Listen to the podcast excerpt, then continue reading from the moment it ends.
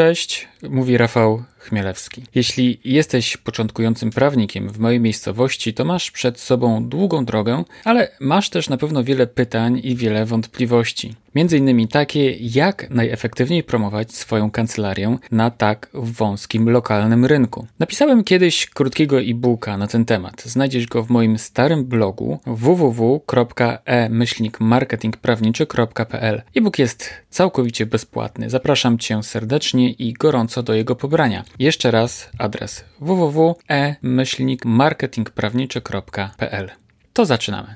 To jest podcast w drodze do kancelarii, czyli o biznesie prawniczym na początku prawniczej kariery. Ja nazywam się Rafał Chmielewski i w tym podcaście rozmawiam z doświadczonymi prawnikami, którzy niejedną wiosnę w todze mają już za sobą. Serdecznie Cię zapraszam. Nałóż słuchawki i w drogę! Witam Cię w ósmym odcinku podcastu w drodze do kancelarii. Mówi oczywiście Rafał Chmielewski. Dziś mam dla Ciebie wywiad, jakiego jeszcze nie było. I na pewno długo nie będzie. Dlaczego? Po pierwsze, dlatego, że w tym odcinku podcastu rozmawiam z rzecznikiem patentowym. Rzecznik patentowy to przecież dość rzadki zawód prawniczy. Z tego powodu nie sądzę, abym szybko gościł w podcaście innego przedstawiciela tego zawodu. A drugi powód jest taki, że moim gościem jest mecenas Mikołaj Lech. Jeśli nic ci to nazwisko nie mówi, to sądzę, że najwyższa pora to nadrobić. Dlatego, że na przykładzie Mikołaja możesz się bardzo wiele nauczyć. Nawet, uwaga, jeśli Twoja kancelaria już jakiś czas działa i sobie świetnie radzi na rynku. Z Mikołajem po raz pierwszy spotkałem się w 2012 roku, kiedy jako początkujący aplikant rzecznikowski skontaktował się ze mną w kwestii zbudowania i wsparcia jego bloga prawniczego. A więc promocję swojej osoby Mikołaj rozpoczął bardzo wcześnie, a jak sam zobaczysz, uważa, że i tak o rok za późno. Od tamtego czasu mój rozmówca nie tylko rozwinął swojego bloga do zdecydowanie światowego poziomu, nie tylko ukończył z sukcesem aplikację rzecznikowską, ale rozwinął swoją kancelarię w kontekście większej ilości klientów, zdecydowanie wzmocnił jej markę oraz rozwinął jej zespół. Dzisiaj kancelaria Mikołaja jest jedną z najszybciej rozwijających się kancelarii rzecznikowskich. I tylko obserwując jego działania można się wiele nauczyć. Tym bardziej zachęcam cię do posłuchania tego wywiadu. W jego trakcie rozmawiamy o tym, kim jest rzecznik patentowy, jak promować kancelarię prawną, o zaletach prowadzenia bloga prawniczego, o wideo prawniczym oraz o podcastach. Dowiesz się również, czy warto stawiać sobie jakieś cele, dlaczego warto się specjalizować, jak organizować sobie czas, co warto przeczytać w kontekście rozwoju kancelarii prawnej, jak radzić sobie z konkurencją, jak radzić sobie z zaległościami w płatnościach od klientów, jak kształtować umiejętność przemówień publicznych, jak sprzedawać, czego nie warto robić. Posłuchasz też, jaką generalną radę dla początkujących prawników ma mój rozmówca. Mikołaj jest inspirującym mówcą, dlatego postanowiłem nie wycinać niczego z naszej półtora godzinnej rozmowy. Z tego powodu podzieliłem ją na dwie części. To jest część pierwsza. Drugiej części wywiadu posłuchasz w odcinku dziewiątym podcastu w drodze do kancelarii. Bloga Mikołaja znajdziesz pod adresem www.znakitowarowe-blog.pl. Dodam tylko, że podcast w drodze do kancelarii jest słonecznie wspierany przez Weblex. Panie i panowie, mecenas Mikołaj Lech. Dzień dobry, Mikołaj. Witam Cię serdecznie. Spotykamy się dzisiaj w Warszawie, chociaż ja bardzo chciałem przyjechać do Ciebie do Bydgoszczy, do kancelarii, ale jednak złożyło się tak, że możemy się spotkać w Warszawie. Powiedz mi, co robisz dzisiaj w Warszawie? Dzisiaj cały czas mówię, a mówię dlatego nie, że mam jakieś rozprawy, tylko sam byłem umówiony z dwoma osobami na podcast, podcast, który sam prowadzę mhm. pod nazwą Prawda Ochrona Marki. I pomyślałem, bo my już się wcześniej umawialiśmy na to, żebyś do mnie przyjechał, ale mówię, skoro ja już jestem tak blisko ciebie tutaj, to może byśmy ogarnęli również trzecią rozmowę tego dnia. No Więc tak, to był dobry Czemu nie? E, zanim zaczniemy, zgodnie z tradycją podcastu w drodze do kancelarii, takie pytania wstępne. Imię i nazwisko. Mikołaj Lech. Tytuł zawodowy? rzecznik patentowy. Kawa czy herbata? No, zdecydowanie kawa, a odkąd e, kupiłem sobie ekspres, to jestem wręcz totalnym kaboszem w tym momencie. Mhm. A jaki ekspres kupiłeś? Ciśnieniowy czy tak, przelewowy? Czy... To znaczy tak, najpierw żona mnie namawiała, mówię bez sensu. Piję moją rozpuszczalną Maxwell House, jest, skoro działa to po co zmieniać? No i kupiłem e, namówiony, obiecała mi, że ja nie będę musiał tego czyścić w ogóle, więc to był jedyny warunek i się okazało, że ta kawa jest nieporównywalnie lepsza i ja nie jestem w stanie teraz e, pić rozpuszczalnej, więc nie, niesamowite jak może się gust raz, y, gust raz, dwa zmienić. Tak jest. Co jest dla Ciebie najważniejsze? To się wszystko zmienia e, w czasie. Jak patrzę na... Jestem młodym człowiekiem, mam 32 lata, niedługo 33, ale to, co było priorytetem w moim życiu się zmieniało. Kiedyś to, wiadomo, na studiach to człowiek... E, celem nie była praca, celem było poznawanie e, wielu osób, później nastał ten etap po studiach, gdzie bardzo mi zależało na, na, na, pracy zawodowej. Nadal mi zależy, ale teraz troszkę dochodzę do takiego momentu, kiedy coraz bardziej, coraz ważniejszy staje się dla mnie czas e, wolny, czyli czas prywatny, więc troszeczkę staram się może nie tyle ograniczać tą pracę, co zmieniać jej charakter. Czyli żeby swój czas poświęcać na to, co daje największy zwrot. Mhm. Powiedz, gdzie prowadzisz swoją kancelarię?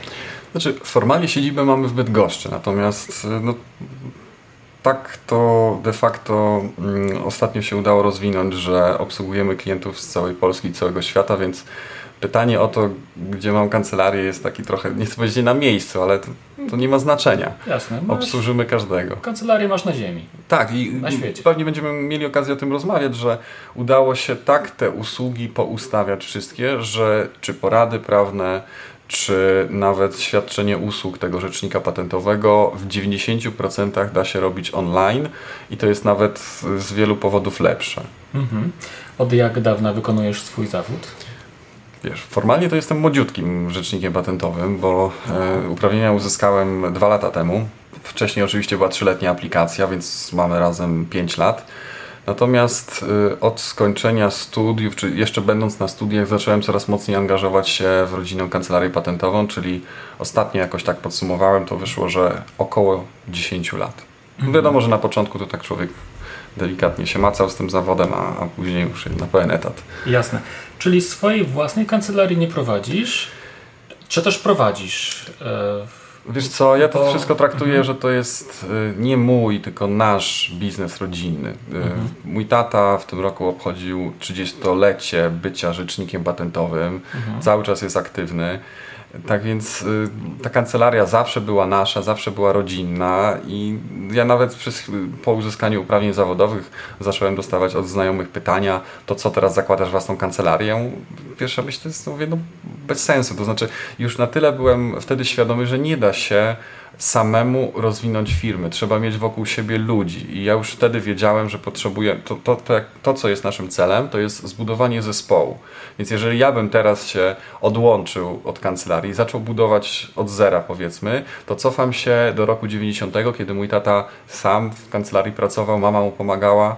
I, I, to jest bez sensu, trzeba wykorzystać ten potencjał i budować po prostu zespół. I to jest to wyzwanie trochę, przed, którymi tutaj, przed którym tutaj stoję no rozwijamy się, do, dobrze to wszystko działa, coraz, coraz więcej osób albo jest zatrudnionych u nas, albo współpracuje z nami, więc ten zespół bliższy bądź dalszy się tworzy cały czas. To, jak się udało stworzyć zespół, de facto dzięki Tobie, poprzez te szkolenia tutaj e, Pawła mhm. Królaka, dzięki temu udało się nam zrekrutować osoby, może nie takie, które mają wiedzę merytoryczną, ale takie, które idealnie pasują do, do, do, do naszej misji, do naszych wartości, dzięki czemu my te osoby, ta wiedza merytoryczna zostanie nabyta z czasem. Już jest po prostu bardzo dobrze, ale najważniejsze jest, żeby mieć e, takiego pracownika, który będzie zmotywowany, który będzie chciał być częścią zespołu i się z, tą, z tym zespołem tutaj identyfikuje. Więc to był dla mnie cel de facto jako następstwo tych, tych szkoleń tutaj, które w ramach Buaplexu e, oferowałeś.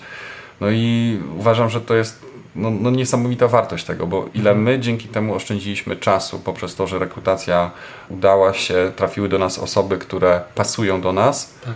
i są teraz no, bardzo nam ułatwiają po prostu pracę. Tak. E, wasza kancelaria obsługuje klientów e, głównie przedsiębiorców, czy też osoby fizyczne? Wiesz co, no, wynalazcami bywają, to znaczy wynalazcą zawsze jest osoba fizyczna, mhm. ale często ona działa w ramach, jest, jest, pracownikiem jakiejś firmy. Natomiast jednak mimo wszystko, nie wiem, w 95% to są przedsiębiorcy. I to, z tego, co słyszałem z rozmów z niektórymi radcami prawnymi, to jest dobre, bo jak mnie na przykład za, jeden kolega zadał pytanie, a, a, co robisz, jak ci klient nie płaci? Ja mówię, ja nie rozumiem pytania. Jak mi nie podpisze zlecenia i nie wpłaci, to ja tematu nie ruszam. To dla mnie to nie jest w ogóle żadne zlecenie, więc, ale możemy sobie po prostu, no, no kancelaria teraz miała 28 lat istnienia, mhm. więc już możemy sobie na to pozwolić. Wcześniej zresztą też nigdy nie działaliśmy tak, że wykonujemy zadania, a później prosimy się o, tak. o pieniądze. I to nie jest tak, że jest tak konkurencyjny rynek, że y, przedsiębiorcy się na to nie godzą. Okazało się, że kiedyś jeszcze mieliśmy taką praktykę, że tą kwotę dzieliliśmy na pół, a teraz, no jak ktoś mocno chce, to mu podzielimy na pół, ale generalnie zasada jest taka, że, że podpisujemy tą umowę bądź zlecenie, płatność jest z góry. I nie, dla nikogo to nie jest y, problemem. No, jeżeli sobie ufamy, jeżeli ktoś mnie traktuje poważnie, to będzie chciał zapłacić tą kwotę. A jeżeli nie i, i jest na przykład, nie wiem, wielce zdziwiony, to mi się od razu lampka zapala. No przepraszam, no co za różnica, czy zapłaci mi teraz, czy, czy po wykonaniu jakiejś tam pracy. I, I tak te pieniądze musi przelać, więc... No, to jest bardzo ciekawe, co mówisz, bo praktyka wśród kancelarii prawnych jest odwrotna, nie? że najpierw wykonują pracę, znaczy, dopiero potem czekają no, na honorarium. Tak, tak, tylko y, ktoś mądrze powiedział, i ja się sam na to naciąłem, że cel osiągnięty przestaje motywować. Y, ja miałem taką, znaczy staram się uczyć na swoich błędach. Te błędy jakoś mnie tam strasznie dużo nie kosztowały, ale pamiętam, że miałem, ja strasznie lubię słodycze, może nie widać tego po mnie, mhm. ale byłem u klienta, z którym współpracowaliśmy kilkanaście lat, częstowali mnie krówkami, bo wcześniej się dowiedzieli, że ja te krówki lubię. No i wyszło tak, że, że był, różne sprawy dla nich robiliśmy któregoś razu no musiałem dla nich jakieś takie trudne pismo napisać, bez żadnego zlecenia, bez, bez niczego. Cały weekend siedziałem, po czym im to przygotowałem.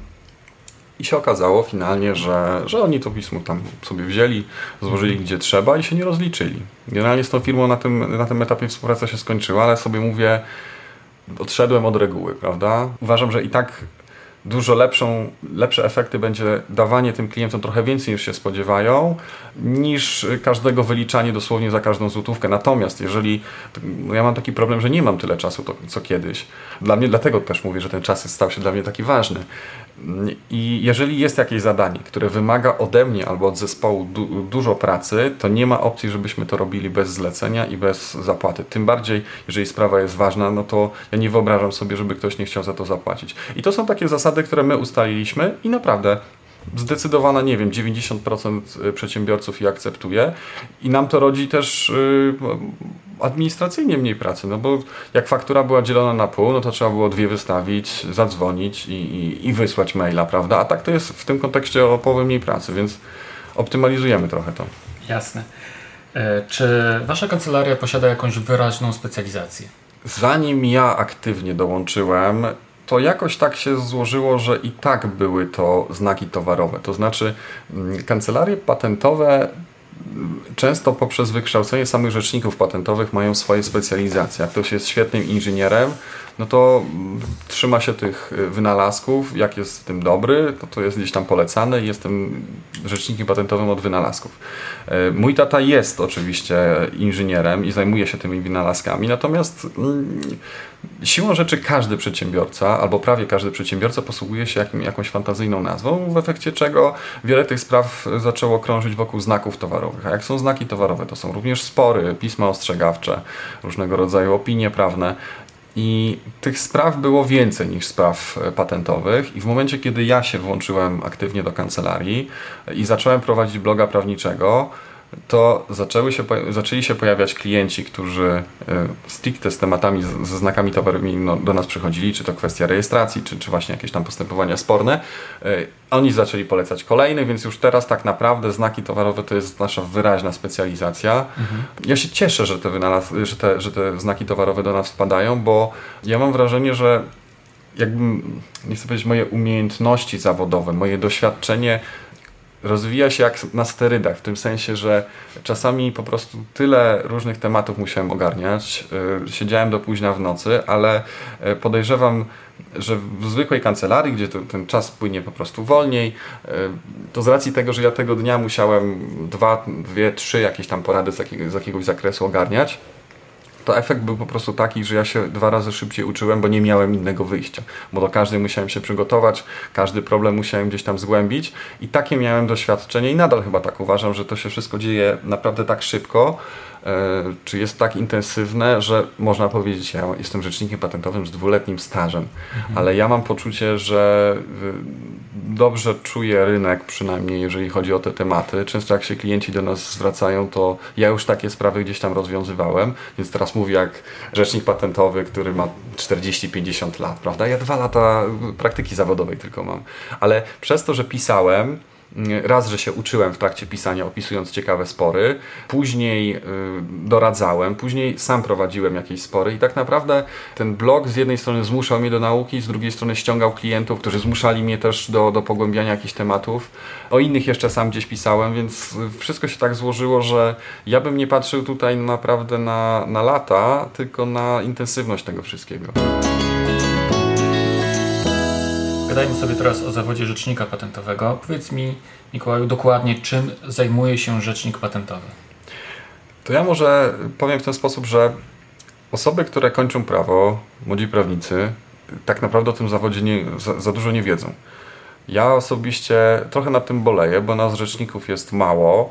E, z, z drugiej strony z młodym środowiskiem rzeczników, do którego ja cały czas uważam, że się zaliczam, e, mamy fantastycznie, fantastyczne kontakty. Nie czuję czegoś takiego, żeby ktoś ze sobą rywalizował. Z drugiej strony, jak e, widzę środowisko radców i adwokatów, również moich kolegów, bo ja sam z wykształcenia jestem prawnikiem, to widzę, że każdy wilkiem na siebie patrzy, nikt nie chce, każdy się każdego boi, a my tutaj ze sobą po prostu współpracujemy i pytamy, jak mamy jakieś takie tematy, e, których wcześniej nie, nie przerabialiśmy, to pytamy się o opinię, czasami jak, jakaś jest głębsza współpraca. Nie ma jakiegoś takiego strachu, że ktoś komuś klienta odbierze. Co prawda nas, rzeczników patentowych, nie jest aż tak dużo, bo jest około tysiąc osób, więc to jest e, promil w porównaniu z adwokatami W całej Polsce jest tysiąc, tak? Tak, Aha, tak, okay. tak, tak. Jest nas niedużo. No, Natomiast zwróć, zwróć uwagę teraz, że od 2015 roku e, adwokaci, radcowie prawni e, mogą tak. zajmować się znakami towarowymi, czyli zgłaszać te znaki towarowe, więc teoretycznie dodaj do tego 50 tysięcy konkurencji, prawda? Ja warto, uważam, naprawdę warto zainteresować się tym zawodem. Mówię tutaj w kontekście osób, które kończą prawo, ponieważ to jest zawód, który oczywiście jest sprofilowany na konkretną konkretny dział prawa, czyli tą własność przemysłową, czy własność intelektualną. Natomiast zaletą tego jest to, że my jesteśmy od razu na aplikacji stricte do tego przygotowywani. Nie uczymy się jakiegoś prawa rodzinnego. Ile osób mi mówi, że na, na, czy na studiach, czy na aplikacji trzeba się uczyć tylu rzeczy, których i tak nie będziemy wykorzystywać, bo już ludzie bardzo często wiedzą, czym będą się zajmować. U nas jest tak, że praktycznie każdy przedmiot, nie było przedmiotu, którego bym powiedział, co za bzdury, nie potrzebuję tego. No może kwestia topografii układów scalonych, to jest coś, gdzie przez 30 lat od roku 90 chyba tylko 30 takich zgłoszeń wyszło, no to to jest, no musieliśmy ten, te wykłady po prostu posłuchać, ale to jest coś niepraktycznego, bo nikt tego nie zgłasza. Ale poza tym tak naprawdę uczymy się rzeczy, z którymi mamy na co dzień do czynienia, e, które stricte dotyczą e, kwestii, którymi zajmujemy się w, po prostu w swojej pracy zawodowej jako rzecznicy patentowi. Mieliśmy praktyki w urzędzie patentowym, więc jak my zgłaszamy pisma, to ja wiem, na które piętro to pismo dosłownie pójdzie. Aha. Z tymi ekspertami rozmawiamy. Zresztą była taka ciekawa historia kiedyś. Ja już aktywnie prowadziłem tego bloga. Zacząłem go prowadzić, zaczęliśmy współpracować w 2013 roku. I chyba od, tak, i od tego roku dokładnie też się zaczęła aplikacja, więc powiedzmy po roku czy po dwóch y, już byłem na tych praktykach w Urzędzie Patentowym i tak w Departamencie Znaków Towarowych i tak wypytywałem o ciekawostki, mówię, bo żyłem tym wszystkim i się pytam i tak mówię, wie Pani, ja tak wypytuję, tej Pani ekspert, wypytuję o to wszystko, ponieważ ja takiego bloga prowadzę. I ona tak na mnie spojrzała, wiesz, z takim politowaniem, mówi, Panie Mikołaju, my to wszyscy Pana znamy. ja wtedy mówię, o kurczę, to jest trochę większe niż myślałem. Mhm. E, więc, więc e, efekt, no fajnie, przyjemnie, no, nie wpływa to na nic, ale, ale taka świadomość, że gdzieś tam mnie, mnie czytają. Natomiast mm, uważam, że warto tym zawodem się zainteresować, dlatego to, co ty cały czas powtarzasz, że specjaliści wygrywają z osobami, które zajmują się wszystkim. I my z jednej strony jesteśmy na aplikacji przygotowywani, a dwa, jesteśmy stricte w pracy zawodowej otoczeni tylko tematami związanymi z własnością przemysłową i intelektualną. I to nie jest tak, że my się ograniczamy. W momencie, kiedy ja zajmuję się tą wąską dziedziną, jest bardzo łatwo się wyróżnić. W tym sensie, że naprawdę, jeżeli ktoś jeżeli ktoś, nie, nie, lubię tak o sobie mówić, ale szuka informacji o ochronie marki albo specjalisty w tym zakresie, no to nie ma szans, żeby nie trafił na któryś z moich artykułów. Mhm. Jeden, drugi, trzeci, mhm. już, już jest ich prawie 300. E, no. Natomiast y, efekt tego jest taki, że mm, ja czuję, że, no, że chciałbym, żeby więcej młodych osób na tą aplikację startowało. Bo to nie jest tak, jeżeli ktoś już prowadzi kancelarię wiele lat, to yy, to ma swoich klientów, więc wejście na rynek więcej osób z tego zakresu jakoś tam nie, nie zdestabilizuje tego wszystkiego. Natomiast jest jakieś takie podejście, że wszyscy idą na tą aplikację radcowską, prawda? Mhm. Na aplikacji radcowskiej, adwokackiej, z tego co wiem, e, jakieś chyba dane, widziałem, nie wiem, jak, jak jest 10 godzin wykładów z własności intelektualnej, w czym, w czym mieści się wszystko po prostu, mhm. E, od prawa autorskiego przez własność przemysłową, e, to jest dobrze. Mhm. Czasami nie ma w ogóle, nie wiem jak jest w tej chwili. E, natomiast my, wiesz, trzy lata zajmujemy się tylko i wyłącznie tym. Potem wracam do kancelarii i robię tylko te, te zadania. E, ja taki cytat kiedyś e, spotkałem, który mi się strasznie podobał, bo bodajże Bruce Lee, że Bruce Lee powiedział, że on się nie boi osoby, która uczyła czy trenowała tysiąc uderzeń, tylko boi się osoby, która tysiąc razy trenowała jedno uderzenie. Tak. I to jest właśnie taka sytuacja, gdzie jeżeli mądrze przemyśli się swoją karierę zawodową, to możemy iść na rynek radców prawnych, gdzie jest po prostu każdy, jest ich masa. Jest masa, albo spróbujemy się wyróżnić, idąc na przykład na aplikację rzecznikowską, profilując się na jakimś temacie, a no, musisz mi uwierzyć, jak człowiek w tym siedzi, to jest tyle tematów pobocznych, od sporów o domeny internetowe, no naprawdę, już nie mówię, znaki towarowe to po prostu jest temat rzeka jest tyle spraw w tym zakresie, że to nie jest wcale w jakiś sposób ograniczanie swoich możliwości. Oczywiście, jeżeli pójdziemy na aplikację radcowską, to możemy zajmować się różnymi innymi tematami, ale nikt nas tego nie nauczy. Mamy uprawnienia, nie mamy wiedzy, nie mamy doświadczenia wtedy. Mm -hmm, mm -hmm. No jeszcze też chyba coraz częściej trafiają się różnego rodzaju tematy międzynarodowe. Ojej, wiesz, międzynarodowe to są w każdym momencie tak naprawdę, bo ja miałem taką sytuację ciekawą i sobie też uświadom, to w kontekście tego twojego pytania, no. e, gdzie my mamy siedzibę. No. Mo, może sam będziesz się z tego pytania za chwilę śmiał, bo miałem taki, taki jeden przykład, gdzie mamy telefon internetowy, więc jak trzeba jakąś poradę zagraniczną udzielić, to, to, to nie boli nas każda minuta. I rozmawiałem z jednym człowiekiem chyba około godziny. On był w Chinach. Ja, czasami ci przedsiębiorcy jeżdżą na targi jakieś do, do kontrahentów. Więc niesamowite historie e, słyszałem od różnych przedsiębiorców, między innymi takim, że jeden gość wsiadł w zły pociąg. Te koleje tam po 300 no. na godzinę lecą, to wylądował 300 kilometrów za Pekinem i chce wrócić, a wszędzie krzaczki po prostu. No więc no, ale rozmawiam sobie z nim i on mówi, no, no, no, bo tutaj taki, taką firmę będę... No bo ja generalnie od 10 lat w Chinach siedzę i przygotowuję się, żeby wrócić do Polski i tutaj chcę tematy po prostu ochrony marki ogarnąć. Ja mówię, wow, w ogóle sama rozmowa z tym przedsiębiorcą była niesamowita. I to jest jeden przykład, że ja tak sobie usiadłem, później mówię, matko, przecież ja przed chwilą, nie wiem, Chiny to są 5000 km od nas, albo jeszcze dalej. E, I tak sobie po prostu rozmawialiśmy przez telefon. Nie ma problemu, żeby świadczyć usługę w postaci najpierw doradztwa, ustalenia jakiejś strategii działania, a później rejestracji znaku towarowego. Ale też była ciekawa historia, jeżeli chodzi o Zachód, ponieważ jeden przedsiębiorca zgłosił sobie znak towarowy w Irlandii, po czym e, sprzeciw do jego rejestracji zgłosili Włosi, powołujący się na swój znak towarowy. I on, czyli tak, mamy Irlandię, mamy Włochy i jest Polska. Gość znalazł mnie poprzez bloga i tak y, zaczę, zacząłem mu doradzać, później mu też przygotowałem jakieś takie pismo porównujące, czy ten, te znaki towarowe mogą być kolizją, czy nie. I też sobie uświadomiłem, mówię, kurczę, no, no niesamowite to jest, że y, mhm. ogarniam tematy międzynarodowe. Ale idąc jeszcze dalej na zachód, to miałem klienta, który po prostu y, w Stanach Zjednoczonych siedział, i też była sytuacja taka, że, y, że mógł ktoś prowadził biznes tutaj i wprowadzał teren, towary na teren Unii Europejskiej i mógł ktoś po prostu e, zablokował je na granicy. Więc znowu jeszcze dalej, prawda? Więc jakbyśmy się, chyba nawet z Nowej Zelandii mamy klienta. To jeszcze klient powiedzmy za, no, za pięknych lat 90. Ja myślę, że jak Elon Musk skolonizuje Marsa, to będziesz ogarniał sprawy międzyplanetarne. No, tak, tak więc wiesz, no mamy tą kancelarię w Bydgoszczy, prawda? I co no, z tego? No tak. Słuchaj, w związku z tym mam takie pytanie, czy często podróżujesz? E, wiesz co...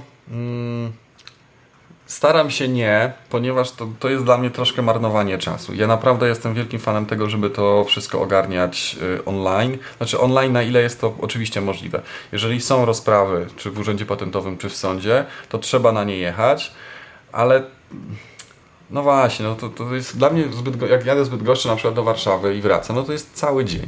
Mhm. Więc y, no zazdroszczę trochę moim kolegom tutaj, że oni sobie w kapciach mogą po prostu podjechać tramwajem dosłownie do, do urzędu patentowego czy do, do, do sądu i, i, i, wracają z powrotem do kancelarii. Dla mnie to jest wyprawa, więc y, jakoś to będę organizował pewnie. Oczywiście, jak trzeba, to pojadę. Ale, mhm. ale nie, wcale nie podróżuję tak dużo i się z tego tytułu cieszę. Y, chociażby jeżeli są spory przed tym Urzędem Unijnym o znaki towarowe, to wszystko dzieje się online. Tak samo jeżeli są spory o domeny internetowe przed Aha. tym sądem polubownym.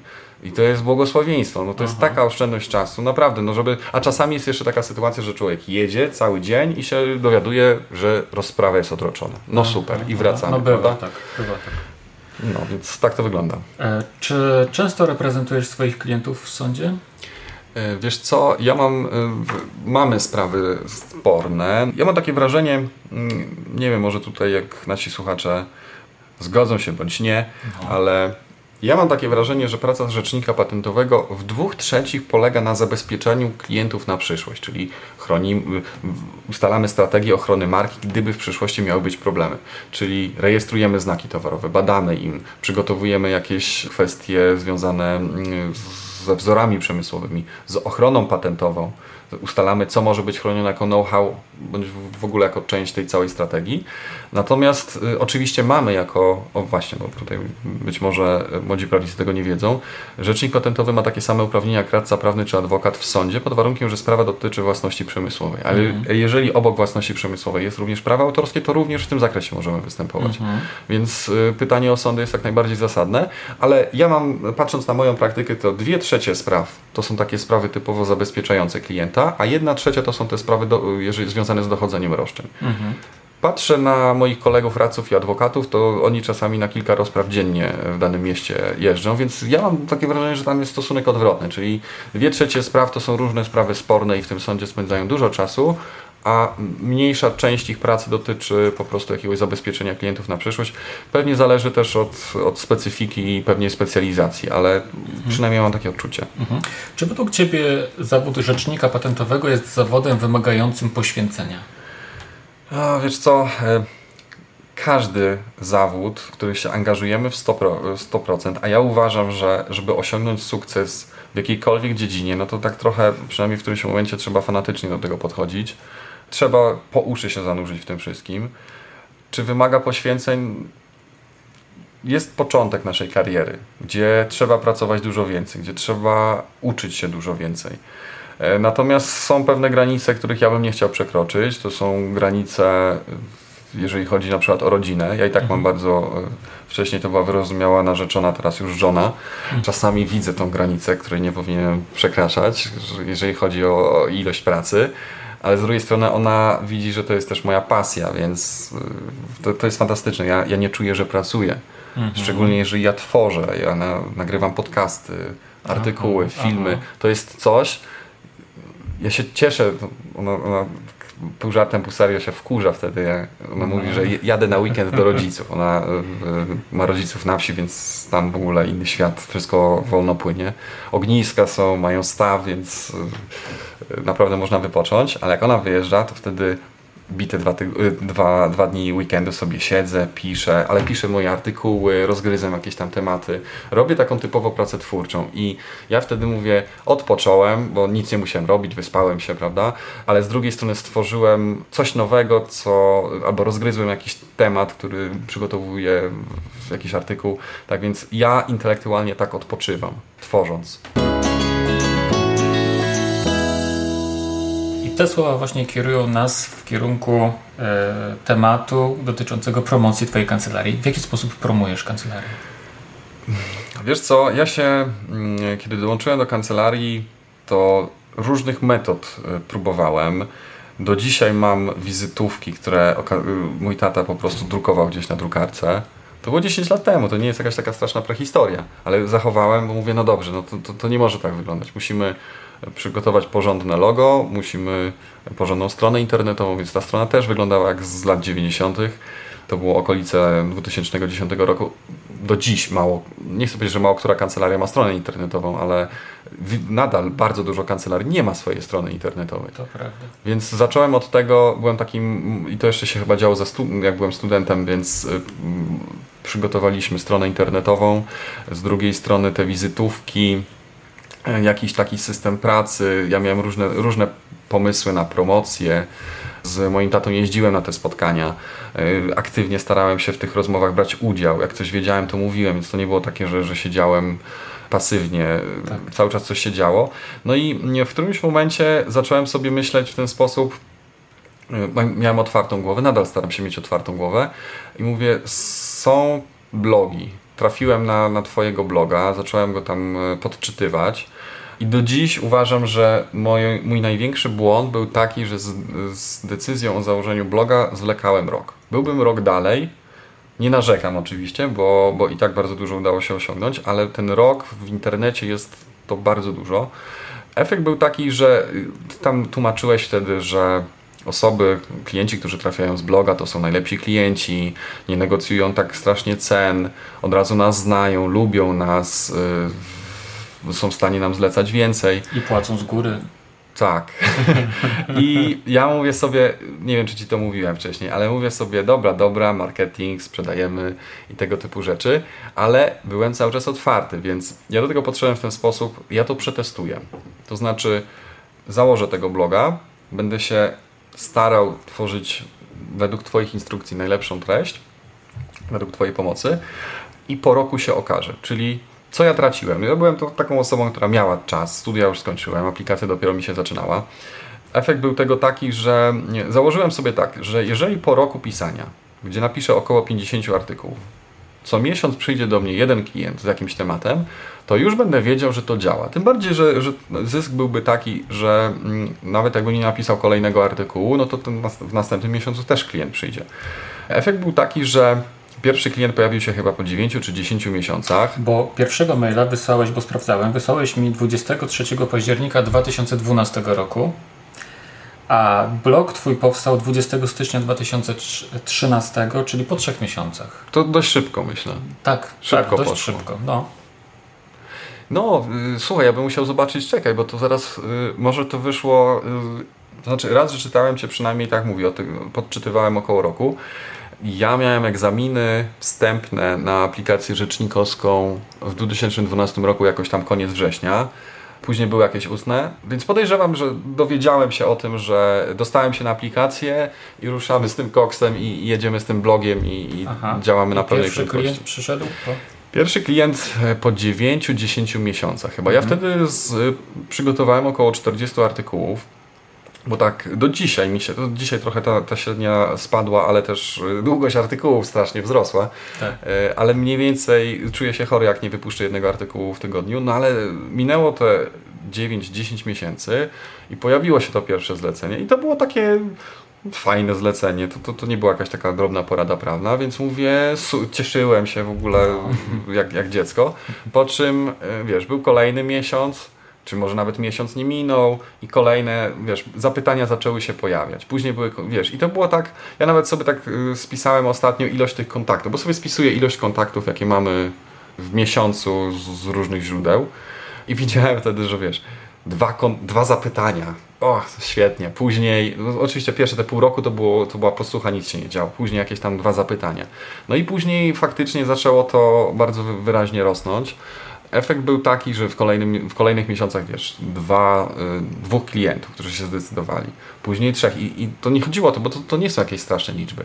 Ale to już jest coś, to nie jest, broń Boże, dochód pasywny, ale to jest taki agent, który działa i robi mi dobrą opinię. Zobacz, ja dzisiaj cały dzień nagrywam, a jestem przekonany, że no, kilkaset osób na pewno na tym blogu dzisiaj było mhm. i to jest coś, co już działa później automatycznie. Tworzy mi ten wizerunek, więc jak ja tylko poczułem, słuchaj, że To działa.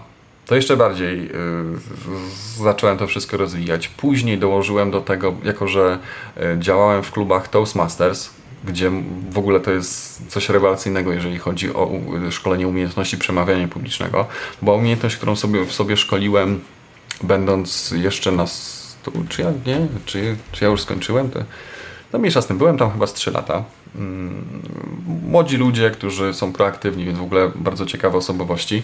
Dzięki temu odważyłem się też występować publicznie w postaci, e, no, zaczęliśmy robić nagrania wideo z moim kolegą, nagrywał mnie. One, te pierwsze nagrania z dzisiejszej perspektywy są na słabym poziomie, więc dograliśmy je jeszcze raz, ale, ale y, i tak się wyróżniałem tym, że przecież większość osób boi się występować publicznie. Mhm. Łatwiej napisać artykuł, 100 razy go zredagować, dać, dać nawet komuś z zewnątrz do napisania, się tylko pod nim podpisać, bo też niektórzy tak robią, niż wystąpić przed kamerą, pokazać się, uśmiechnąć się, zająknąć się i później to opublikować. Wiesz, jeśli chodzi o wystąpienia publiczne, to są takie osoby, to jest yy, zbadane naukowo, są takie osoby, które wolałyby umrzeć, niż wystąpić publicznie.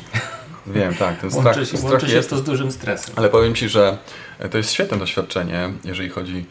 To jest legalny, nie chcę powiedzieć narkotyk, ale e, wiesz, możesz skoczyć na bungee, a możesz pójść do klubu Toastmasters, e, wystąpić publicznie, w, na przykład przed grupą 30 osób, to często jest na uczelniach gdzieś, więc w audytorium, stoisz i bez na przykład żadnej ściągi musisz mówić e, tak. przez 7 czy 10 minut. To są emocje, to są świetne emocje i to nie jest tak, że później ludzie się nie stresują. Ja się nadal stresowałem.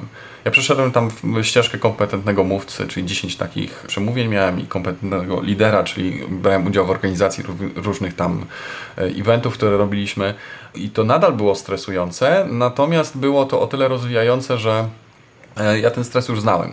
Później wyszkoliłem się, jakieś takie predyspozycje miałem w odpowiedzi na tak zwane gorące pytania. To jest w ogóle rewelacyjna, dla prawników to też jest rewelacyjna e, szkoła, ponieważ cała idea gorących pytań polega na tym, że musisz odpowiedzieć na pytanie, na które nie znasz odpowiedzi. Jako mężczyzna, jakbym Ci zadał teraz pytanie, co jest lepsze, tipsy czy akryle? To co powiesz? Zawiesisz się. Każdy no. no, a tam trzeba było dobrze. I mało tego, takie pytanie dostawałeś będąc na scenie, na środku i bez przygotowania masz, dobra, nie wiem, 10 sekund na to, żeby się zastanowić, o czym chcesz mówić i mów. I mi się udało e, w tych pytaniach dojść do jakiejś takiej perfekcji, że było, była oceniana płynność wypowiedzi, wstęp, rozwinięcie, zakończenie, humorystyka, mhm. że zacząłem jakieś, wygrałem konkurs w, y, takich y, właśnie odpowiedzi na gorące pytania w Bydgoszczy, później w województwie i chyba do ogólnopolskiego się dostałem.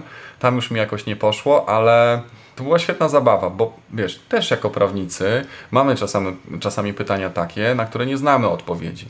Ja daleki jestem od tego, żeby tutaj klienta oszukiwać, ale też y, wiesz, no często klienci mają takie wyobrażenie o nas jak z tych amerykańskich filmów, że my, my znamy się na wszystkim, prawnik zna się na wszystkim.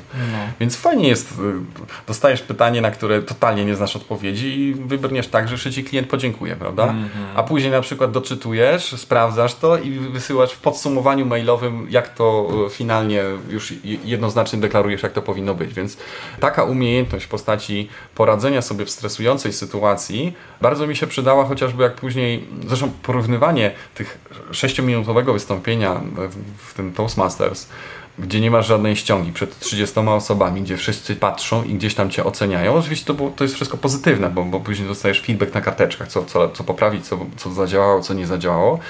I jesteś na przykład na rozprawie, gdzie masz tak sędziego, stronę przeciwną, na przykład pełnomocnika i masę ściąg w postaci po prostu jakichś dokumentów. Co to w porównaniu z tym wystąpieniem przed tymi 30 osobami, wystąpienie w tym sądzie to jest zero stresu tak naprawdę. Masz wszystko rozpisane, możesz mieć, to tak jakbyś po prostu prawie że z kartki czytał, więc o tyle mi to pokazało, że taka umiejętność po prostu przemawiania publicznego przydała mi się w bardzo wielu sytuacjach. Już nie mówiąc o tym, że gdzieś tam na jakichś konferencjach później ktoś mnie poprosił, żeby wystąpić, to mhm. a jeżeli człowiek mówi o czymś, na czym się, w czym się pasjonuje, to to w ogóle bez przygotowania możesz mnie w nocy obudzić i, mhm. i ci mhm. wykład o znakach towarowych mogę mhm. zrobić. Mhm. I powiem Ci szczerze, że właśnie oglądając Twoje nagrania wideo, cały czas podziwiam Cię w, ten, w sensie takim, że mówisz mówisz do rzeczy, mówisz płynnie i bez. E, to się nazywa teleprompter czy prompter? Prompter. Be, bez promptera, tak? Kiedy większość prawników, jeżeli po pierwsze, jeżeli nagrywają coś, to, to widać, że, że mają problem z, wypowie z,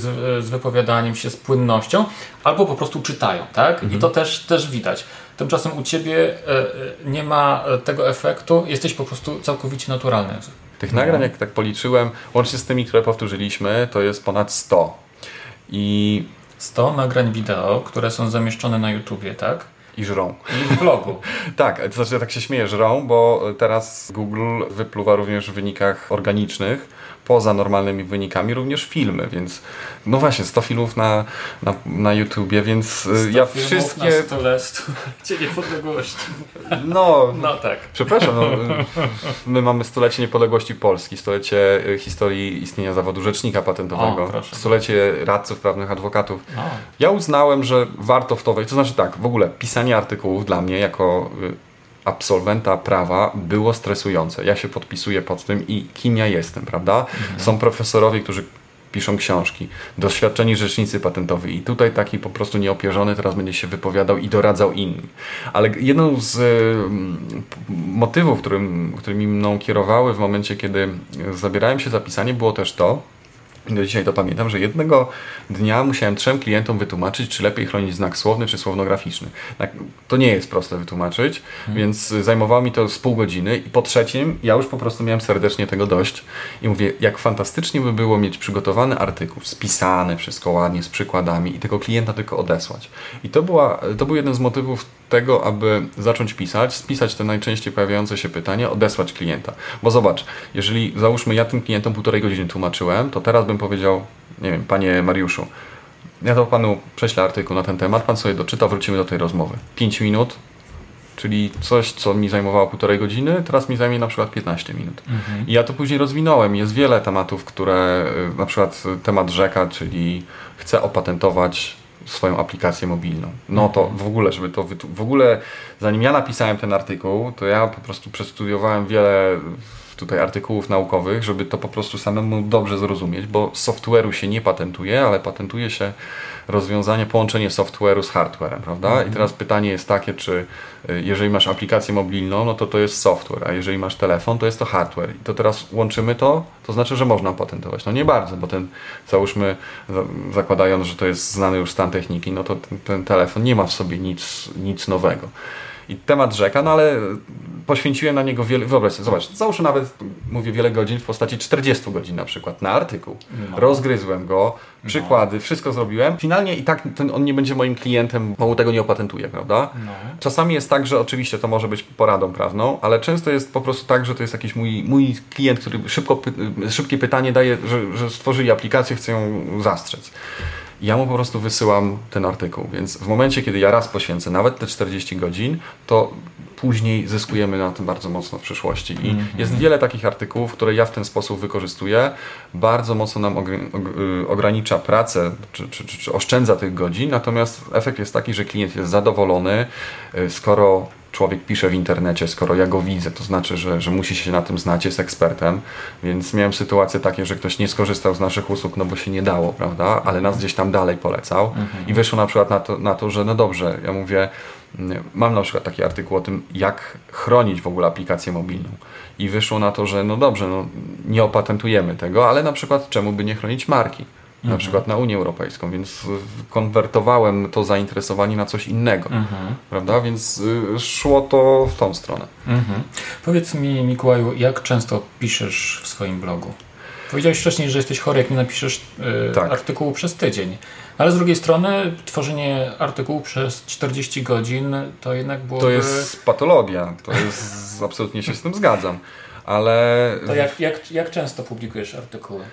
Bardzo bym chciał robić to co tydzień. Tematów mam dużo, również tak Ci powiedziałem, byłem na dwóch rozmowach, więc właściwie mam materiały na, na kolejne dwa podcasty. Do tych podcastów. Znaczy, podcasty, prowadzenie wywiadów jest o tyle dobrą rzeczą i nieabsorbującą, że to ja zadaję pytania, a ta druga strona się produkuje. Mhm. Natomiast te pytania, żeby ten wywiad był ciekawy, muszą być dobre. Mhm. Żeby każda osoba gdzieś tam ma jakąś, przynajmniej ten charakter wywiadu, który ja prowadzę, czyli wypytuję te osoby z tematów z zakresu własności przemysłowej, więc jeżeli rozmawiałem mm, z prezesem Sądu Polubownego do spraw domen internetowych, bardzo ciekawa rozmowa, jeszcze nie publikowana, no to sobie przypomniałem to wszystko, bo przecież my takie spory prowadzimy też jako rzecznicy patentowi, mamy takie uprawnienia, więc y, przypomniałem sobie, z czym ja miałem problem, z jakimi pytaniami się klienci zwracają, po czym jeszcze umieściłem taką informację na grupie, żeby osoby, które chciałyby nurtują je jakieś pytania, to może zainspiruję się i później w wywiadzie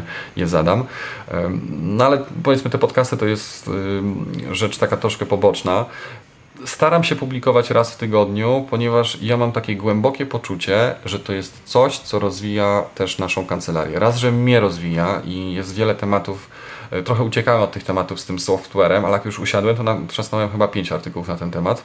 Były tematy trudne też z, używaniem cudzych znaków towarowych w reklamach Google AdWords. Jak ja przeczytałem jedno orzeczenie w sprawie Interflora, E, Trybunału Sprawiedliwości, to ja musiałem je trzy razy przeczytać, żeby je zrozumieć. Ja mówię, a co dopiero zwykły zielony przedsiębiorca. Tak, tak. Więc y, ktoś tak fajnie powiedział, nie wiem czy nawet ty tego nie cytowałeś, że trudno o sprawach trudnych to każdy idiota jest w stanie powiedzieć. Więc chodzi o to, żeby zrozumieć ten temat i przełożyć go na język przedsiębiorców. Więc często, zanim ja w ogóle usiądę do pisania, to czasami całą książkę z danego zakresu przejrzę, przeczytam, artykuł, różne, różne orzeczenia, żebym ja zrozumiał o co chodzi. A jak już ja to zrozumiem, to ja to później mhm. ładnie te klocki ułożę tak, żeby, żeby mhm. to przygotować. Natomiast później wiesz, później pod to nagrywam film, jak już mam gotowy artykuł, więc wiem o czym mówię. Ostatnio doszły do tego również podcasty, więc yy, te artykuły, nie można ich porównać do artykułów sprzed y, pięciu lat. Wtedy to były jakieś takie tematy, wdrażałem się w temat Teraz y, dużo więcej czasu mnie to kosztuje, ale efekt jest po prostu też taki, że te artykuły są wyczerpujące. Ludzie na przykład, którzy, którzy czytają te artykuły w pracy, nie są w stanie odtworzyć filmu, prawda? Więc mhm. dla nich się liczy treść pisana. Z drugiej strony osoby, które są zabiegane, y, często bardzo łatwo y, tracą zainteresowanie filmem. To znaczy on, oni go obejrzą, natomiast nie sądzę, żeby ktoś był w stanie kilka filmów pod rząd obejrzeć. Ja nawet sam w internecie wykupiłem kilka szkoleń, i złapałem się na tym, że mam je od pół roku, a jeszcze tak. ich nie skończyłem. Tak. Z drugiej strony są szkolenia, które w ramach Weblexa e, mamy, prawda, z tych naszych tutaj spotkań. Ja je, a, w formacie audio, ja je ostatnio wszystkie odsłuchałem. To było chyba z 10 godzin. Mhm. Tak więc, okazuje mhm. się, że dla każdego to czego chce. Mhm. Dla osób, które chcą czytać, dla osób, które chcą oglądać. Ogląd y, filmy mają tą zaletę, że ludzie są w stanie zobaczyć, jak mówię, tak. jak się uśmiecham, tak. jeżeli tam czasami zażartuję, więc y, skracam dystans tym. Tak. No a podcast to jest coś jeszcze bardziej intymnego, gdzie mhm. zakochałem się w tym, jak byliśmy tutaj z żoną w Gruzji i jednego podcastu słuchaliśmy po prostu całą drogę, wynaliśmy samochód, przez bezdroża jeździliśmy E, czy wjeżdżaliśmy na te ogromne góry i wszędzie towarzyszył nam głos osoby, która ten podcast prowadziła i ja mam wrażenie, że tą osobę bardzo dobrze znam. I tak sobie pomyślałem, kurczę, fantastycznie by było, żebym ja kiedyś e, taki podcast e, założył. Finalnie dość szybko też mi się udało zacząć działać.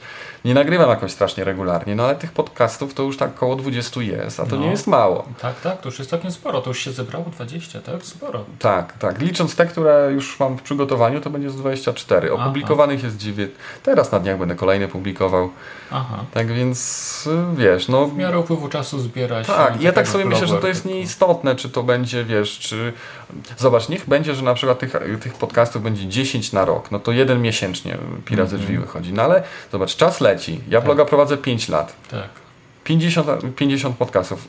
W tych moich około 20 podcastów to zajmuje, jak patrzyłem, około 12 godzin. Mhm. Czyli już teraz ktoś odpala, jest w stanie przez dłuższy czas mnie słuchać. Mhm. Ja mówię w ten sposób, że sam jestem uzależniony od, od podcastów, więc jestem w stanie przez wiele godzin słuchać jednej osoby, jeden, kolejne po prostu odcinki. Natomiast jeżeli ktoś mi powie, że przeczytał wszystkie moje artykuły na blogu, to ja się go zaczynam bać, bo to nie jest nic normalne. Wszystkie artykuły na blogu tylko ja przeczytałem, bo ja je napisałem. Ale już nie przeczytałeś. Nie, no wiesz znaczy, co? Na, napisałeś, ale nie było takiego momentu, że pomyślałeś sobie, a poczytam sobie co Wiesz co, e, ja już nie, jak, jak, jakiś temat taki właśnie jak z tym softwarem, ja go przerobię, ja go opiszę, to ja nie mogę na niego patrzeć. Aha. To jest po prostu, to jest jak praca magisterska. Mam obrzydzenie, ale ostatnio złapałem się na tym, że jakiś artykuł czytałem sprzed dwóch lat i wiesz, no, ludzka pamięć jest zawodna, więc tam były różne ciekawostki. Mówię, o kurczę, zapomniałem, faktycznie, to był ciekawy motyw. I przeczytałem go sobie i mówię, kurczę, że mi się chciało, ale ja to rozgryzłem, ale to było dobre, wiesz? I tak z perspektywy tych dwóch lat, tak jak ludzie nie, nie lubią oglądać się na wideo i w ogóle słuchać swojego głosu, tak ja tam z perspektywy, ale to już był taki moment, kiedy ja już naprawdę takie dość dopracowane artykuły tworzyłem i tak, tak taka, taka, nie wiem, jakby duma, że, że mi się chciało, że ja to stworzyłem, byłem bardzo zadowolony, więc wkładam, słuchaj, no z biegiem czasu naprawdę wkładam w to dużo więcej energii y, jeszcze niż wcześniej. Mhm. Pamiętając o tej mojej żonie i tej granicy, no, gdzie, gdzie no. człowiek już ma jakieś doświadczenie, więc wie, kiedy jest blisko. Każda, każda skrajność jest zła, ale z drugiej strony uważam, że naprawdę, jeżeli znajdzie swoją niszę i się mocno w to zaangażuje, to jest bardzo duża szansa na to, że człowiekowi się uda. Ja zresztą powiem Ci tak już absolutnie szczerze, trochę do tego, do tej mojej twórczości internetowej, kiedy, tak jak mówię, po tych 10 miesiącach poczułem, że to działa, później, że to się zaczęło rozwijać. Trochę tak do tego podchodzę, absolutnie szczerze mówiąc, że być może ludzie mają w życiu jedną, może dwie szanse, żeby osiągnąć sukces, bo się tak złożyło, że zobacz, ja miałem walutę w postaci czasu, energii, mi się chciało. Czy, czy mi by się chciało tak pisać, gdybym miał 50 lat na przykład, albo gdybym miał e, dwójkę dzieci małych? Pewnie nie, są inne priorytety, więc mi się tak złożyło, że miałem czas, miałem taką motywację, determinację. Ja nie uważam siebie za osobę, która jest jakoś szczególnie, nie wiem, czy szczególnie inteligentna, bystra czy coś, ale miałem tak, mam, mam taką cechę, która, której jestem świadomy, że ja jestem konsekwentny w tym, co robię. Mhm. I jak taki trochę wyrobnik, artykuł tydzień po tygodniu tworzę, rozgryzam i, i opisuję to. I wiesz, w tym momencie obracam się za siebie, kurczę, 200, teraz chyba mam 282 artykuły, z czego 3 czwarte to są takie mocno merytoryczne.